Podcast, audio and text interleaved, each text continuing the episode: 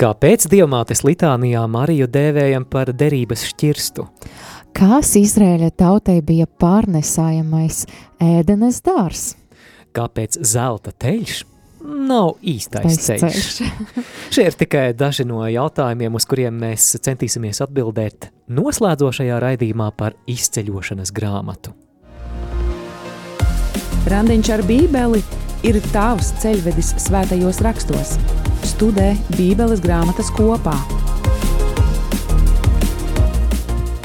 Šis raidījums var skanēt pateicoties klausītāju ziedojumiem, Radio Marija atbalstam. Paldies jums! Paldies ikvienam radio Marija atbalstītājam. Šis raidījums, pārējie raidījumi, lūkšanu programmas, svētās mises ēterā nevarētu skanēt, ja ne jūs. Tādēļ, lai Dievs bagātīgi, bagātīgi jums atlīdzina.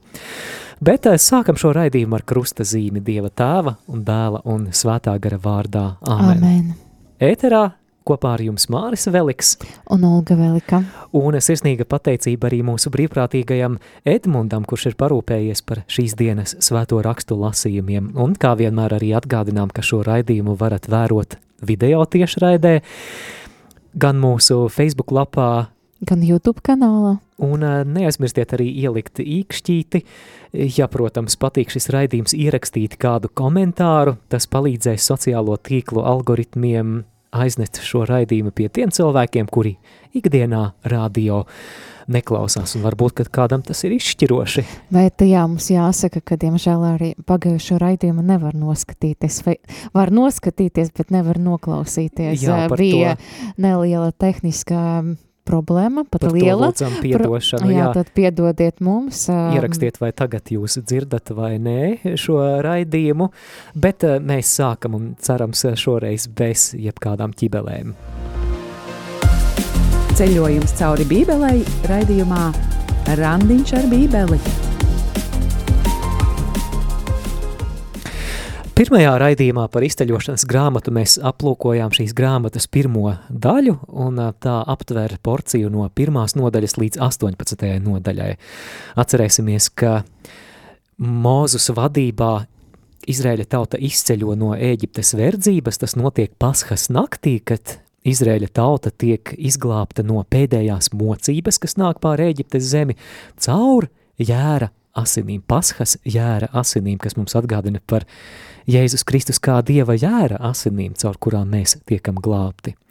Un visbeidzot, kad ā, Izraēļa tauta ir šķēru, šķērsojusi pārdabiski sarkano jūru, viņa nonāk tuksnesī, bet tai vietā, lai būtu Dievam pateicīgi, tik drīz sākas kurnēšana, neapmierinātība. Sākums šim ceļojumam tuksnesī nav visai Nav Jā, bet tā grāmatai, kā mēs arī runājam iepriekšējā raidījumā, tad ir otra daļa, un tā ir no 19. līdz 40. nodaļai, un par ko mēs arī runāsim arī šajā raidījumā, aplūkosim tās nodaļas, ieskicēsim tās eh, galvenās lietas, un šeit, jā, tie svarīgi notikumi, Dievs ar mūzu dod desmit baušļus tautai, tad arī speciāls priekšras, priekš, priekšrakstus, kā arī uzcelt svētnīcu, tādu saiešanas telti, kur būs Dieva klātbūtne, bet interesanti, kā 19. nodaļā šīs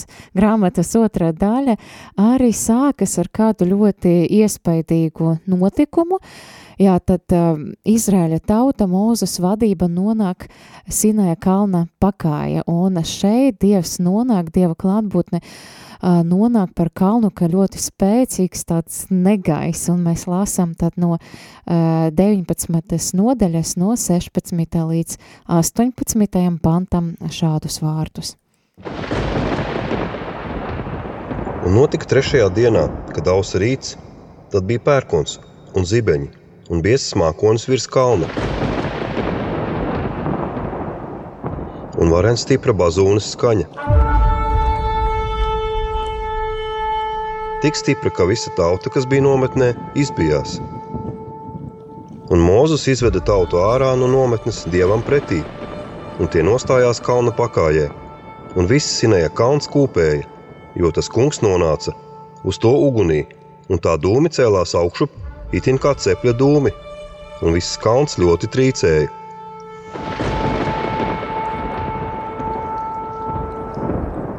Jā, ļoti iespaidīgs moments, ļoti iespaidīga tāda arī redzama Dieva klātbūtne, un mēs arī uh, raidījumā pakavēsimies un parunāsim arī par Dieva klātbūtnes jēdzienu, jo ļoti svarīgi to saprast, lai vispār sap, lai saprastu arī šo, šīs grāmatas uh, turpinājumu. Tad nu atgriezīsimies uz Bībeles pašiem iesākumiem. Dievs rada cilvēku pēc sava tēla un līdzības un dot viņam iespēju staigāt savā klātbūtnē. Tātad Bībeles sākumā šajā Dieva radītajā pasaulē Dieva klātbūtne cilvēkam ir pieejama, pieejama bez jebkādām atrunām. Cilvēks bija tuvās attiecībās ar Dievu un šīs attiecības bija ļoti labas. Tad notiek garīgā katastrofa. Cilvē, cilvēks sadumpojas pret Dievu un attiecības ar Dievu tiek izjauktas, un arī pieeja Dieva klātbūtnē tiek pazaudēta. Jā, tomēr Dievs meklē to iespēju, kā atkal dot cilvēkam šo uh, savu klātbūtni, Dievs ilgojas pēc tā, un tāpēc viņš arī apsolīja Ābrahamam, ka viņš atjaunos uh, savu svētību visam tautam cer viņu, un uh, arī tas uh, iekļaus sevi arī attiecību atjaunošanu un die, tās pieejas pie Dieva klātbūtnes atjaunošanu arī. Un, bet no šeit pie Sinējas kalna mēs redzam, ka nāk tā dieva klātbūtne, un tā šķiet tāda biedējoša.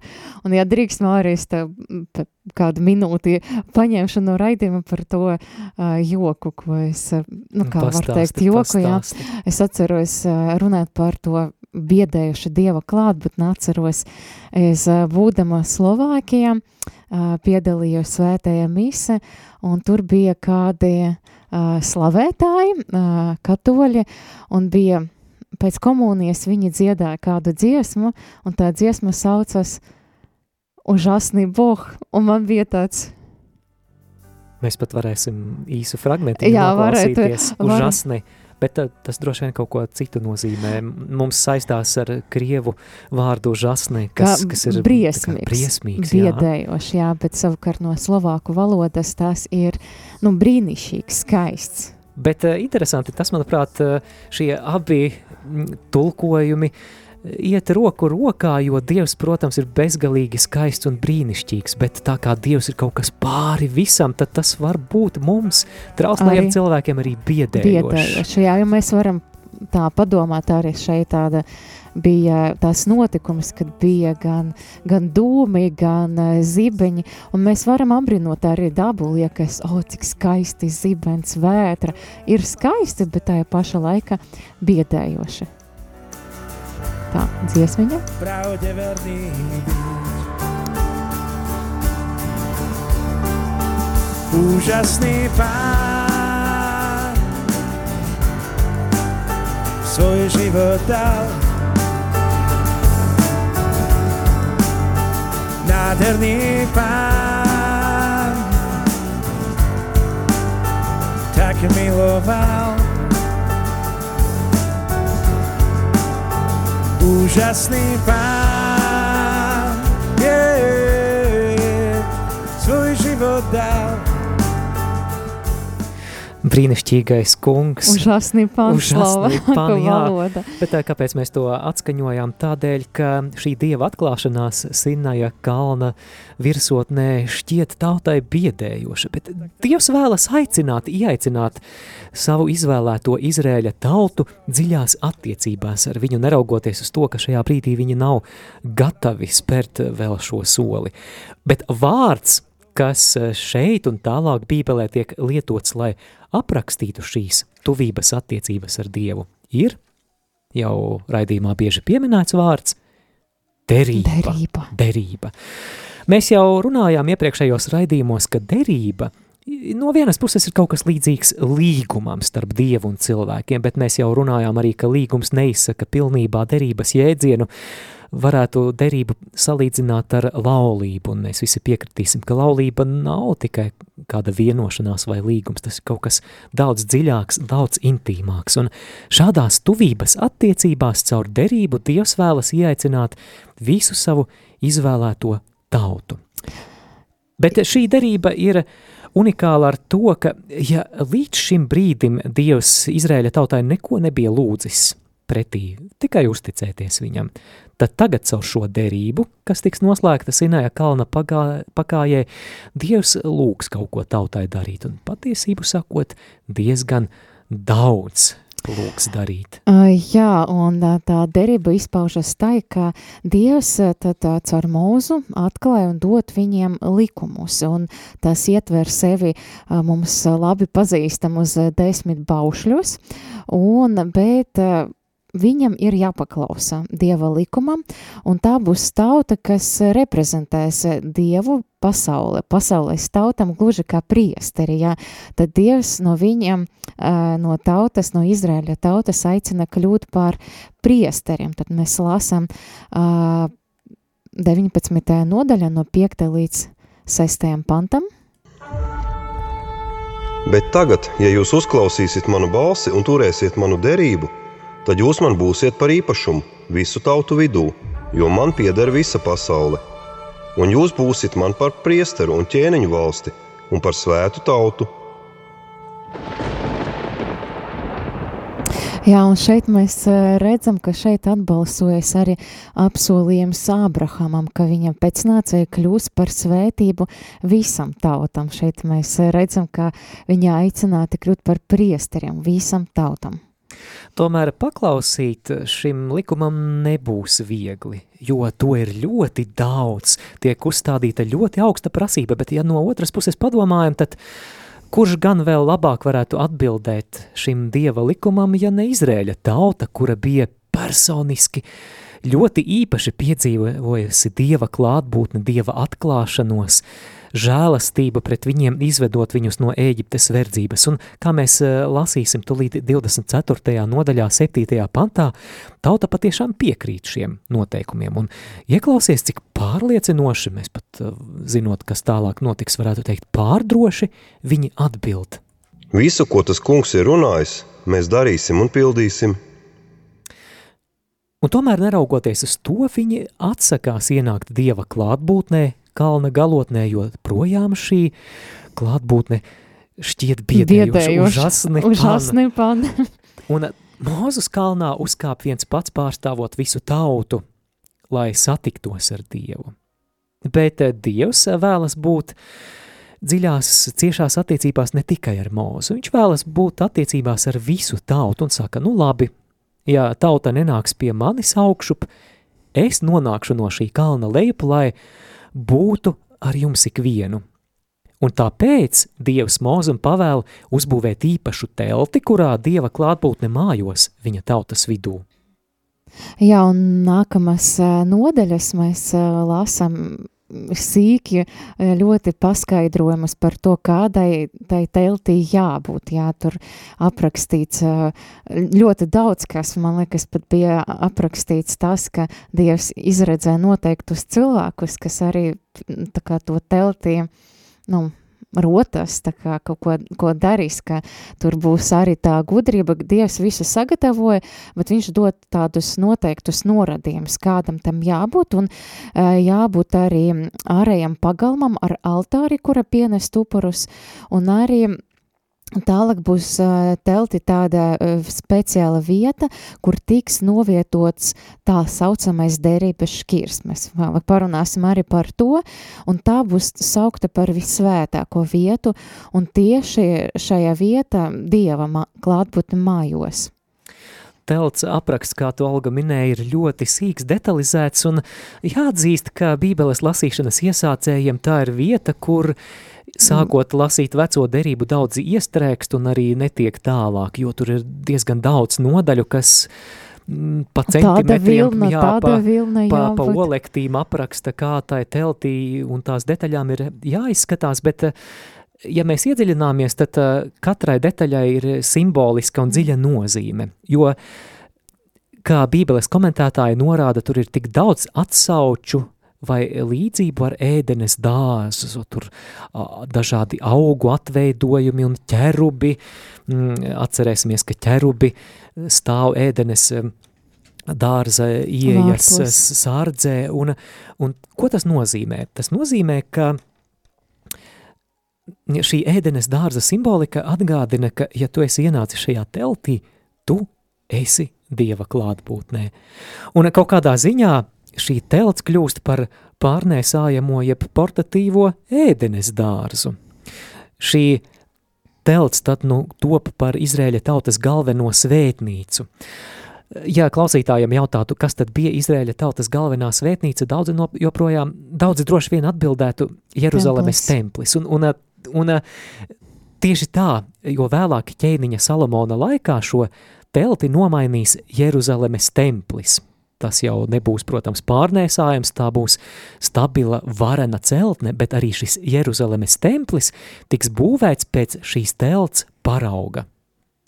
Interesanti, mēs jau pieminējām arī derības šķirstu, un kas ir derības šķirsta? Tā noteikti tāda šķirsta, tāda, nu, var teikt, kastes forma, tāda, tāda lāde šķirst, un viņš bija veidots, Dievs arī pavelka, taisīts no akācijas koka, un viņš pārvilks ar tīru zeltu no iekšpuses, no ārpuses, un tām virsū uz vāka būs kerubi, un kas interesanti, tajā šķirstam, Dievs pavēl arī ielikt liecibu, kas bija tā kā lieciba, iekšā bija Mūzus līkuma plāksnes, bija manna, ko Izraēļa tauta bija katru rīt, rītu, izņemot sabatu, uh, savākusi tā, tā uh, manna.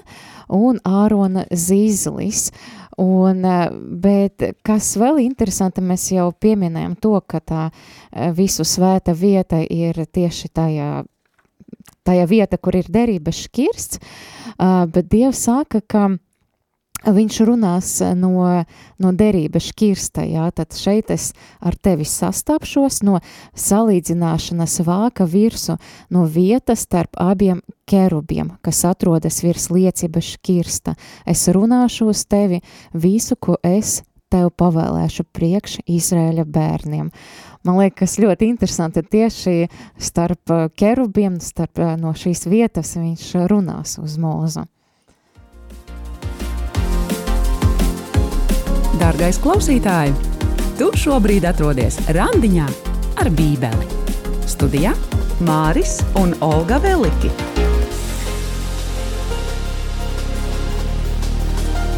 Ja kāds nepaspēja ielikt laiku vai kaut ko iekomentēt, tad droši izdariet to sociālajos tīklos. Liels, liels paldies! Paldies arī par atbalstu Radio Marija darbam. Mēs nu pat runājām par telti, par derības šķirstu, bet Tomēr mums jāpakāpjas stāstā mazliet atpakaļ, jo pirms šī telts tiek uzcelta, notiek kāds ļoti svarīgs notikums un jāsaka diezgan traģisks notikums. Mūzus ar desmit baušļu plāksnēm un ar šīs telts aprakstu savās rokās nokāp no kalna un saprot, ka Izrēļa tauta jau ir paguvusi lausta derību un pārkāpusi pirmos baušļus. Jums nebūs pielūgt citus dievus, izņemot mani, un jums nebūs pielūgt elku tēlus. Jā, tikko Un tauta noslēdza derību ar Dievu un labprāt piekrita visas derības prasībām un sekot likumam, bet tā kļūsi nepacietīga. Mūzus aizgāja, um, uzkāpa kalna, ilgi kavējas, tauta gaida atkal kurn un prasa tad uh, Mūzus brālim Āronam, nu uztaisi tad mums uh, Dievu, jā, tad uh, ko mēs varētu pielūgt un arī tāda komiska situācija, ko mēs, man, man šķiet, pirms diviem gadiem arī iekļāvam arī mūsu humora raidījuma. Raidījums humors, humors bībelē. Divas daļas, jā, šīs bija pirmā daļa. Tad jā, tad pēc tam, kad Mūzes nokāp no kalna un prasa Āronam, ko viņš izdarīja, viņš teica, nu, Viņa vienkārši man iedeva zeltu, es iemetu ugunī. Un iznāca šis teļš, es neko nezinu. Jā, tad, nu, viņi sāka pielūgt šo šo, šo teļu, un arī, ja es nemaldos, bija tāda vārda, lūk, tas dievs, kas izvēda jūs no Ēģiptes. Jā. jā, kādi zaimi, jā, dievs viņus izvēda, bet viņi tagad apgalvo, kā šis teļš, kas tikko bija veidots, viņus izvēda. Nu, dievam gan nepatīk šāds dieva attēls, kurš viņus izveda no Ēģiptes zemes. Lūk, dievs mūzum saka, nē, šī lieta neies krastā. Dievs ir dusmīgs. Viņš saka, noslaucīs šo tautu no zemes, bet tevi, mūzu, es darīšu par tautu no taviem pēcnācējiem. Tad sāksim no sākuma. Un tomēr mēs redzam, ka Mozus ir pamatīgs aizlūdzējs. Viņš mm. stāv Dieva priekšā un viņš aizlūdz par tautu, lai Dievs ir žēlīgs un kādu taktiku viņš izmanto. Viņš atgādina Dievam par viņa apsolījumiem Ābrahamam, bet tu taču Ābrahamam esi apsolījis, ko citas tautas teiks. Un saruna varētu šķist dīvaina, jo kāpēc gan Dievam būtu, jā, un kāpēc Dievam būtu kaut kas jāatgādina, ko viņš ir Ābrahamam teicis, bet šī dialoga nozīme starp mūzu un Dievu ir tā, ka Dievs it kā ļauj ielūkoties viņa sirdī, tajās sāpēs, kas bija viņa sirdī. Jā, arī dusmās un skumjās par viņa izvēlētās tautas neusticību. Un uh, Dievs arī piedod savai tautai un uh, Dievs ir žēlsirdīgs un piedodošs, un mēs turpinājumā arī redzēsim, ko Dievs atklāja savos vārdos, tad lasam no um, izceļošanas grāmatas 34. nodaļas no 6. līdz 7. pantam. Tas kungs, tas kungs, apžēlošanās un žēlastības Dievs, pacietīgs un bagāts žēlsirdībā un uzticībā, kas tūkstošiem saglabā žēlastību, piedod noziegumus, pārkāpumus un grēkus, bet arī neatstāja nevienu nesodītu, piemeklēdams tēvu grēkus pie viņu bērniem un bērnu bērniem līdz 3. un 4. augumam. Tātad dzirdējām, ka Dievs ir ļoti žēlsirdīgs un labvēlīgs, viņš ir lēns dusmās un dāsns žēlastībā. Taču tajā pašā laikā Dievs nevar ignorēt arī ļaunumu, un viņš ir gatavs vērsties pret ļaunumu. Dievs vienlaicīgi ir ļoti žēlsirdīgs, bet Dievs ir arī taisnīgs Dievs. Jā, tā nu mēs nonākam līdz uh, grāmatas beigam, un uh, pēc visiem norādījumiem uh, tika uzcelta telts, un Dieva klātbūtne nonāk par šo telti un piepilda šo telti, un beidzot arī Mūzus dodas uz telti, uh, lai būtu Dievu klātbūtne, bet, bet viņš nespēja iet šajā uh, telti, un ar to šī grāmata noslēdzas. Kāpēc Mūzus nevar ieiet teltī? Tas ir ļoti svarīgs jautājums. Redziet, brīdis, kad tauta pielūdza zelta teļu, bija kā pamatīgs spļāviens dievam sejā. Un tagad nu Mūzus nevar ieiet vienkārši teltī tā, it kā nekas nebūtu noticis. Šajās attiecībās starp dievu un tautu ir kāda dziļa problēma, un te rodas jautājums, vai tomēr izdosies izlabot to, kas ir greizi nogājis attiecībās ar dievu, vai tautai vēl būs iespēja tuvoties dieva klātbūtnei arī šajā teltī.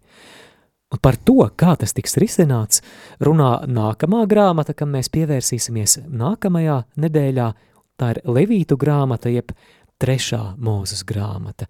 Bet līdz tam mēs vēl pēc brīdiņa uzkavēsimies arī atlikušajās rubrikās par izceļošanas grāmatu. Parunāsim gan par kādu svarīgu tēmu šajā grāmatā, parunāsim arī par rubriku apslēptais Kristus.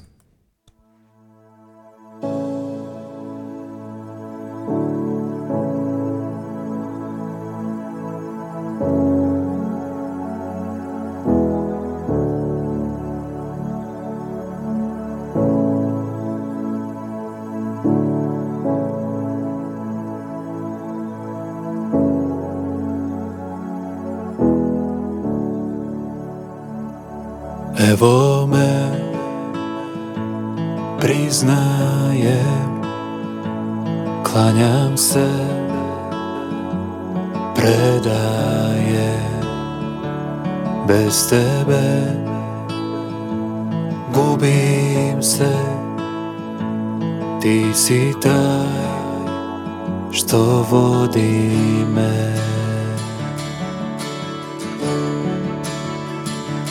Gospode, ja tako trebam Tebe svakog trena.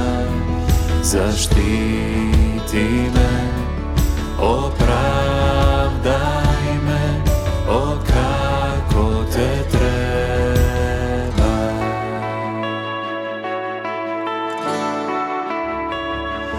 grijeh je jak, ti jak čīsi prebývá u milosti, u tebi sám oslobođen.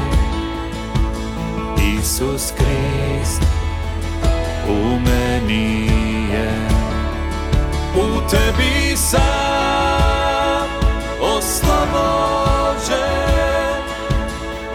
Isus Krist u meni je. Gospode, ja tako trebam. Svarīgākās idejas. Esam atpakaļ ēterā, skan raidījums Randiņš ar bībeli, šis ir otrais un noslēdzošais raidījums, iepazīstot izceļošanas grāmatu un pievēršamies kādai svarīgai tēmai, ko bībeles lasītājs tāds un mirklī var nezināt. Parunāsim par jautājumu, kāpēc turpmāk bībelē telts svētnīcā, par kuru mēs runājām kā priesteri un kā citi liturģiskie kalpotāji, Turpmāk drīkstēs, drīkstēs kalpot tikai ebreji no Levija cilts. Tie bībelē tiks saukti par levītiem. Kāpēc tā?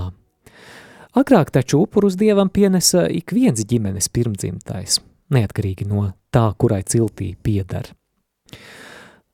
Un patiešām ik viens ebreju pirmdzimtais bija kā dieva priesteris savā dzimtā. Izrādās, ka atbildē ir vistiešākā saistība ar zelta teļa pielūkšanas incidentu. Jā, tas uh, nabaga zelta ce, uh, teļš, kas nav īstais uh, ceļš, kā mēs raidījuma sākumā arī teicam. O, jā. jā, šis bija tāds svarīgs uh, incidents, un tā var teikt arī pagrieziena punkts. Var teikt pat neatgriezieniska tāda lieta bija, un ar šo neusticību Dievam, tad Izrēļa tautas pirmdzimtie, viņi pazaudē šo privilēģiju būt par priesteriem. Un uh, Mūzes pēc tam, kad uh, tauta sagrekoja ar zelta teļu, aicina izdarīt uh, tautu, iz, tautai piedāvā izdarīt izvēli par labu dievu. Mēs to lāsam no izceļošanas grāmatas 32. nodaļas 26. panta. Tad Mūzes nostājās nometnes vārtos un sacīja: Ik viens, kas grib piederēt tam kungam, lai nāk pie manis, jā, nedaudz atgādina uh, Jēzus vārdu un visi, visam, kam ir, uh, kā, ka, kas ir noguruši, nāciet pie manis, jā, bet, jā, tad, bet Mūza saka šos vārdus un uzminiet, kas bija tie, kas pirmie, pirmie iznāk un tādējādi nostājas Dieva puse, kas vēlas piederēt kungam, un tie bija Tie bija Tadam! Levīti. Levīti. No, tad, Levija pēcnācēji. Le, jā, Levija cils pēcnācēji. Varbūt atgādināsim īsumā klausītājiem, kuri varbūt neklausījās iepriekšējos raidījumus, kas tās par ciltīm. Bija 12 Izrēļa ciltis, sauktas pēc 12 eh, Jēkaba patriarha Jēkaba dēlu vārdiem. Tātad Jā. viņam bija 12 dēli, kas bija ciltstēvi, 12 Izrēļa ciltīm. Viņi visi bija ebreji, bet eh, sadalīti ciltīs. Jā, eh, un eh, jā, tie bija levīti, levija cilts pēcnācēji, tad nu tieši Dievs viņam patur šo iespēju, šo privilēģiju kalpot svētajā telti, un kas bija Ārona pēcnācēja būt arī par priesteriem. Tad levīti viņi nebija priesteri, viņi kalpoja telti. Jā, lūk īsumā, kāpēc turpmāk bībelē priesteri varēs būt tikai no Levija cilts. Runa ir par veco derību. Apslēptais Kristus. Jā, runājot par apslēpto Kristu šajā, šajā grāmata, šajā grāmatas otrajā nodaļa no 19. līdz 40.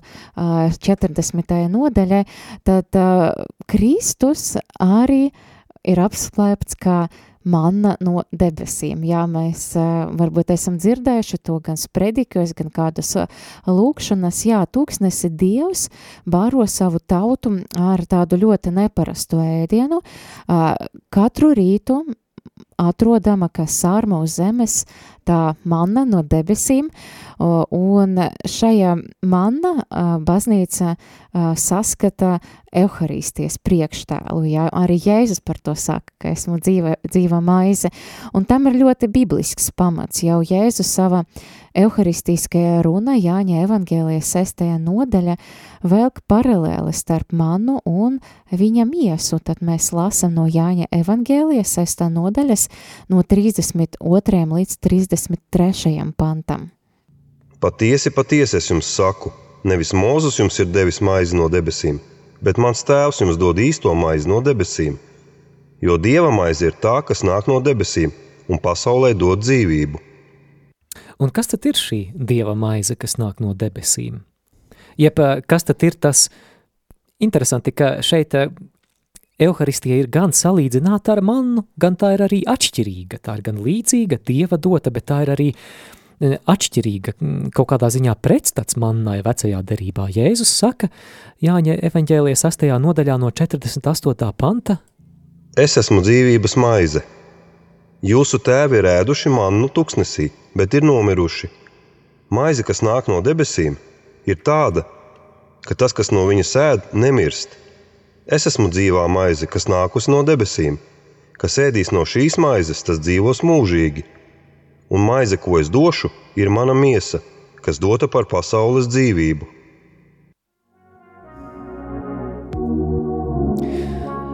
Nākamais aspekts parunāsim vēl par derības slēgšanu Sinaja kalna pakājē. 24. nodaļā mēs lasām, ka derības noslēgšanu pavadīja īpašs rituāls. Mēs arī iepriekšējos raidījumos runājām, ka derības noslēgšanu parasti pavadīja kāds upuris. Arī šeit tiek upurēti dzīvnieki, bet ieklausies klausītāji, ko Mūzus saka par šo upuru dzīvnieku asinīm. 24. nodaļa, 8. pants. Un Mūzus ņēma asinis un slacīja pār tautu un sacīja: Redzi, šīs ir derības asinis, ko tas kungs ar jums ir slēdzis, saskaņā ar visiem šiem vārdiem. Vai vārdi, redzi, šīs ir derības asinis, tev kaut ko atgādina? Jā, mēs lasām, ka Jēzus pēdējās vakariņas ņēma bikeri, svētīja to un deva saviem mācekļiem sacīdams, lūk, šis ir jaunas un mūžīgas derības asiņu bikeris, kas par jums un par daudziem tiks izlietas grēku piedošanai. Atcerēsimies, ka Bībelē mēs redzam veselu virkni derību starp Dievu un cilvēku. Pirmā derība, kā Bībeles pētnieki uzskata, ir derība starp Dievu un pirmajiem cilvēkiem. Tālāk mēs lasām par derību ar Noas un viņa ģimeni, tad derība ar Ābrahamu un viņa dzimtu, tad eh, jau šeit eh, tuksnesī tiek noslēgta derība ar veselu tautu, ar Izrēļa tautu, kurai jākļūst par priesteru tautu visai cilvēcei. Vēlāk tā būs derība ar Dāvidu un ar viņa karaļvalsti, bet visas šīs derības, visa šī virkne piedzīvos kulmināciju jaunajā derībā, kura tiek eh, noslēgta ar Jēzus Kristus Dieva jēra asinīm. Lūk, šīs ir jaunās un mūžīgās derības asinis, kas par jums tiek izlietas, saka Jēzus savās pēdējās vakariņās. Un šī jaunā derība, ko Jēzus ir iedibinājis, šeit mums ir pieejama gan grēku piedošana, Atceramies, cik cilvēks bija trausls un neusticīgs iepriekšējām derībām, cik nestabils. Šeit, šajā derībā, mums ir dāvāta grēku piedošana, un šeit, šajā derībā, Jēzus mums dāvā pilnīgu pieeju Dieva klātbūtnē.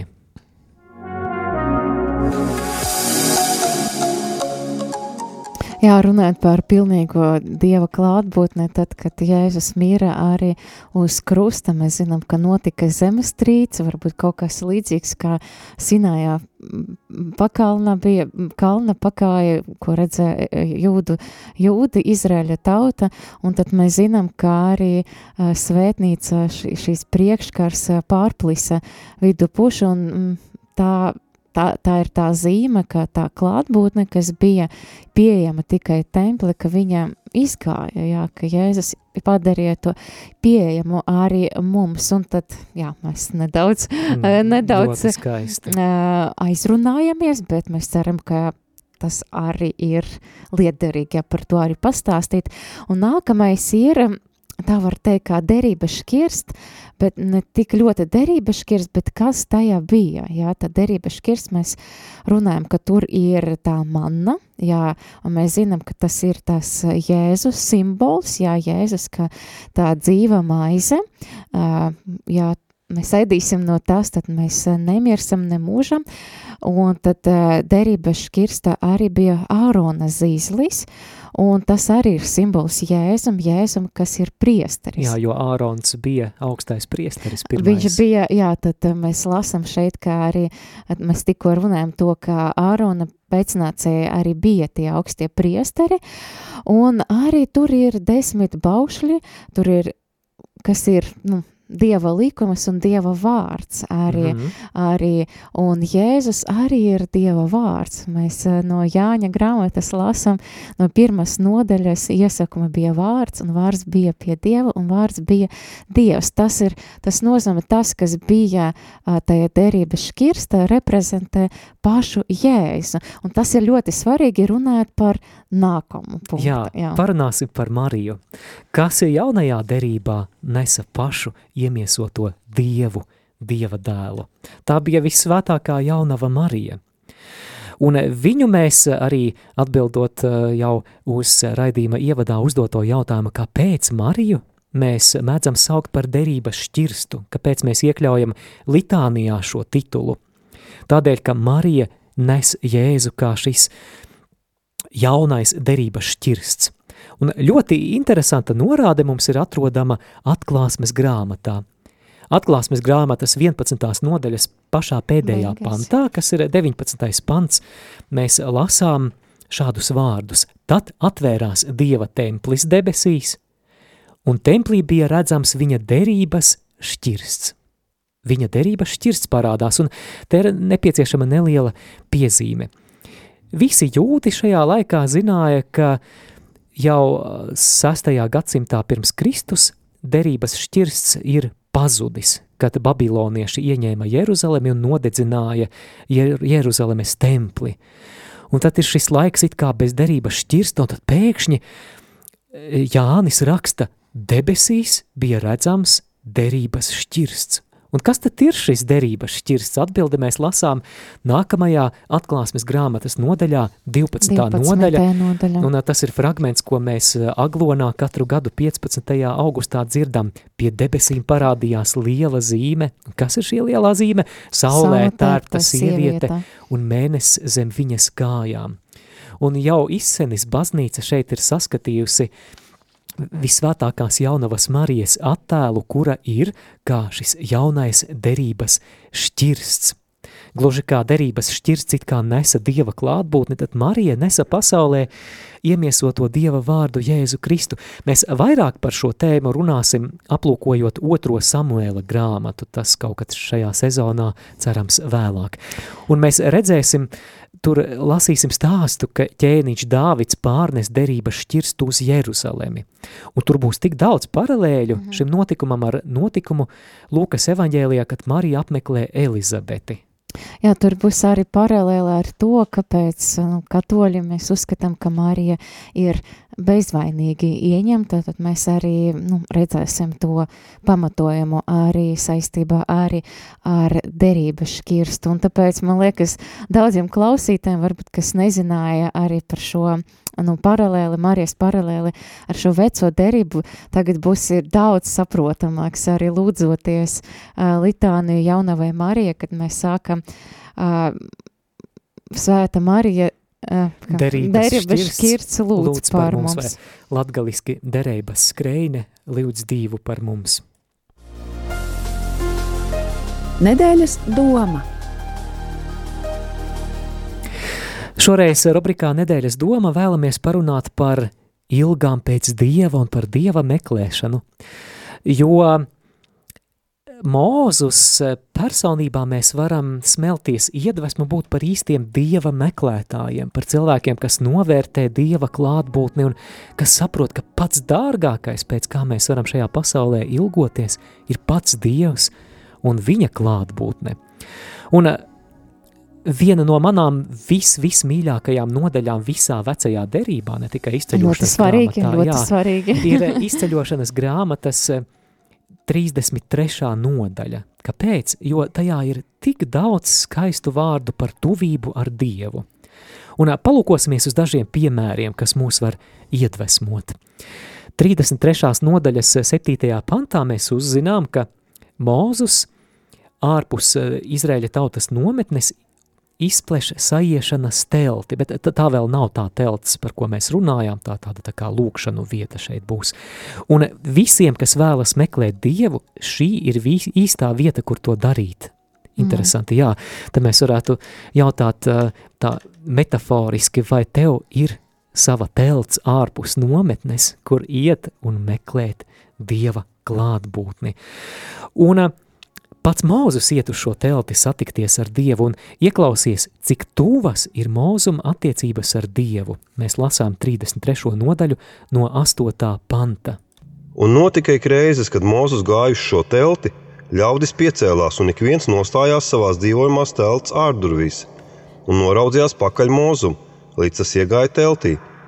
Un notika ik reizes, kad Mozus iegāja teltī, nāca mākoņu stāps un apstājās telts durvīs, un viņš runāja ar mūzu. Un visa tauta redzēja mākoņu stabu stāvam telts durvīs, un visi ļaudis cēlās, un ik viens metās pie zemes, savas telts durvīs. Un tas kungs runāja ar mūzu, vaigu vaigā, kā kāds sarunājas ar savu draugu.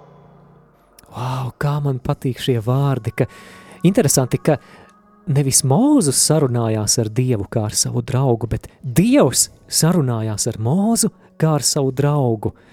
Cik tuvas ir attiecības ar Dievu? Jā, un man arī ļoti uzrunā piemērs, arī bija kāds vēl viens cilvēks, kas ilgojas pēc Dieva klātbūtnes, tas bija Mūzus māceklis Jozoā. Un interesanti, ka tā, tā dievkalpojums, tā var teikt, beidzas, un kad visa tauta gāja prom, tad Jozovs bija tas, kas vēl aizkavējas un vēl bija palicis um, un meklēja Dievu. Un kad viņš atgriezās nometnē, viņa kalps Jozo, Nūna dēls, vēl jauneklis palika teltī. Jā, ļoti, ļoti skaisti šie, šie vārdi un interesanti, jā, ka man šķiet nevelti Dievs arī izvēlējies pēc tam šo, šo cilvēku Jozo, uh, kas nomainīja pēc tam arī mūzu. Viņš mūzus neievēda vēlāk jau tautu apsolītajā zeme, bet Jozo, bija tas, kas, kas ievēda. Un, nu, man šķiet, tā nav nejaušība. Jozos bija tas, kas meklē dievu. Un arī runājot par šo lietu, par to dieva meklēšanu, man arī šķiet, man, man arī personiski tas ļoti uzrunā, jo patiesība, jā, es piedalos, kad svētajā mise, patiesība vistuvākās tas, tas moments, kad es piedzīvoju Dievu, tas arī, cik tavs paradoxāli nebūtu, pēc svētas mises, kad es palieku, daļa aiziet, daļa paliek, ā, paliek baznīca, lai pieliktu, bet tajā momentā es pal palieku un es kaut kādu īpašu Dieva žēlistību varu. Dažreiz nepiedzīvoju, bet ļoti bieži piedzīvoju, ka Jā. tā nu, Dieva klātbūtne ir mani, ka uh, caur, uh, caur Euharistiju, un tad kaut kā visdziļāko tādu saikni ar Dievu un žēlistību es piedzīvoju Vau. tieši tajā momentā, kad es nedaudz ilgas pakavējos Dieva priekšā. Gribās, kā Jozovam, vēl palikt šajā teltī, pabūt ar Dievu, pabūt viņa klātbūtnē, tāpēc, dārgie baznīcu dežuranti, ja pēc mises kāds vismaz piecas minūtītes grib uzkavēties, ne, negrabiniet atslēgas uzreiz un ar birsti demonstratīvi neslaukiet viņa deguna priekšā.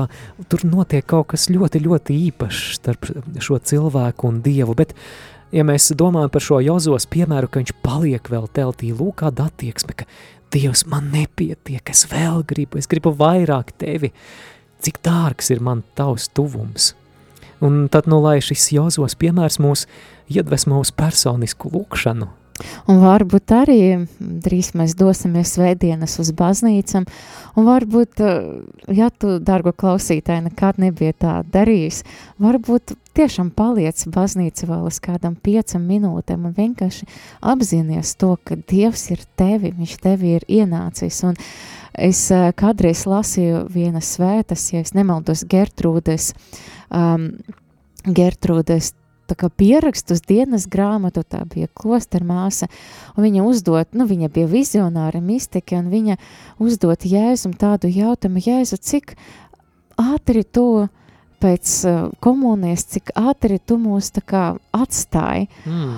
un viņš saka, nevis es esmu tas, kas pēc komunijas jūs atstāju, nu, bet jūs esat tie, kas atstājat mani pēc wow. komunijas, jā, tad viņš paliek tik ilgi, kamēr mēs vēl, nu, kavējamies kopā ar viņu. Mm -hmm. Jā, tas mani Skaisti. ļoti uzrunāja arī tā, tā, šīs svētas, tā, tā atklāsme.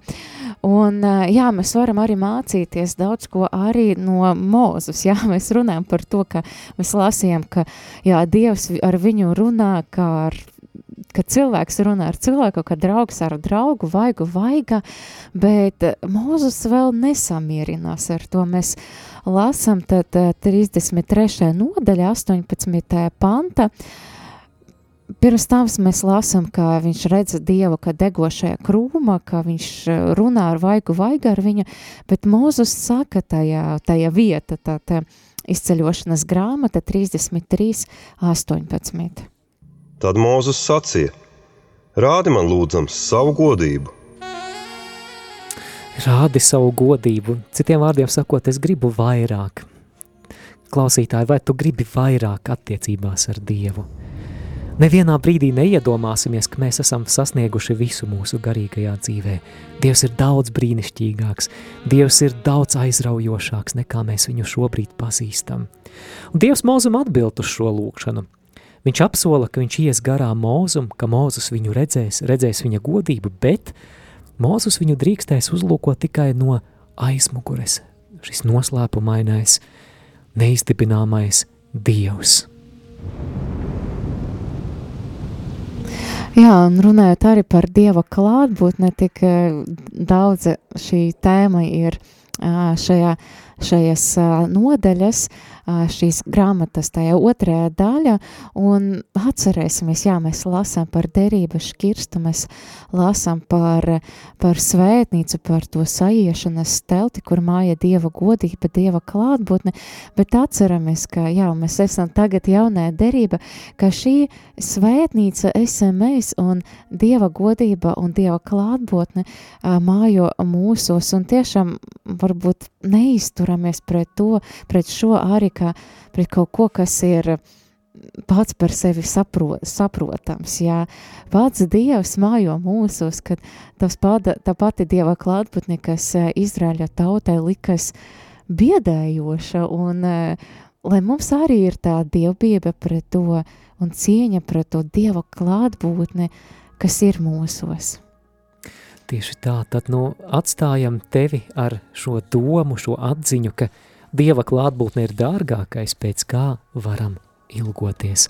Lai Dievs tevi svētī, mīļo klausītāji, ja tev patika šis raidījums, padalies ar to, uzraksti kādu komentāru, lai tev svētīta šī jaunā nedēļa un neaizmirsti, ka raidījums randiņš ir bībeli, gluži kā uztura bagātinātājs neaizstāja līdzsvarotu un sabalansētu uzturu, neaizstāja tavus personīgos randiņus ar bībeli.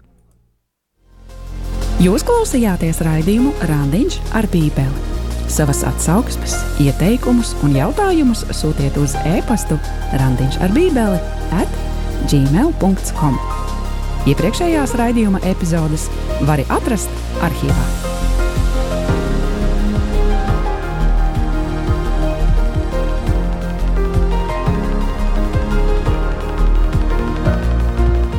Raidījums varēja izskanēt pateicoties klausītāju ziedojumiem, Radio Mārija atbalstam. Paldies jums!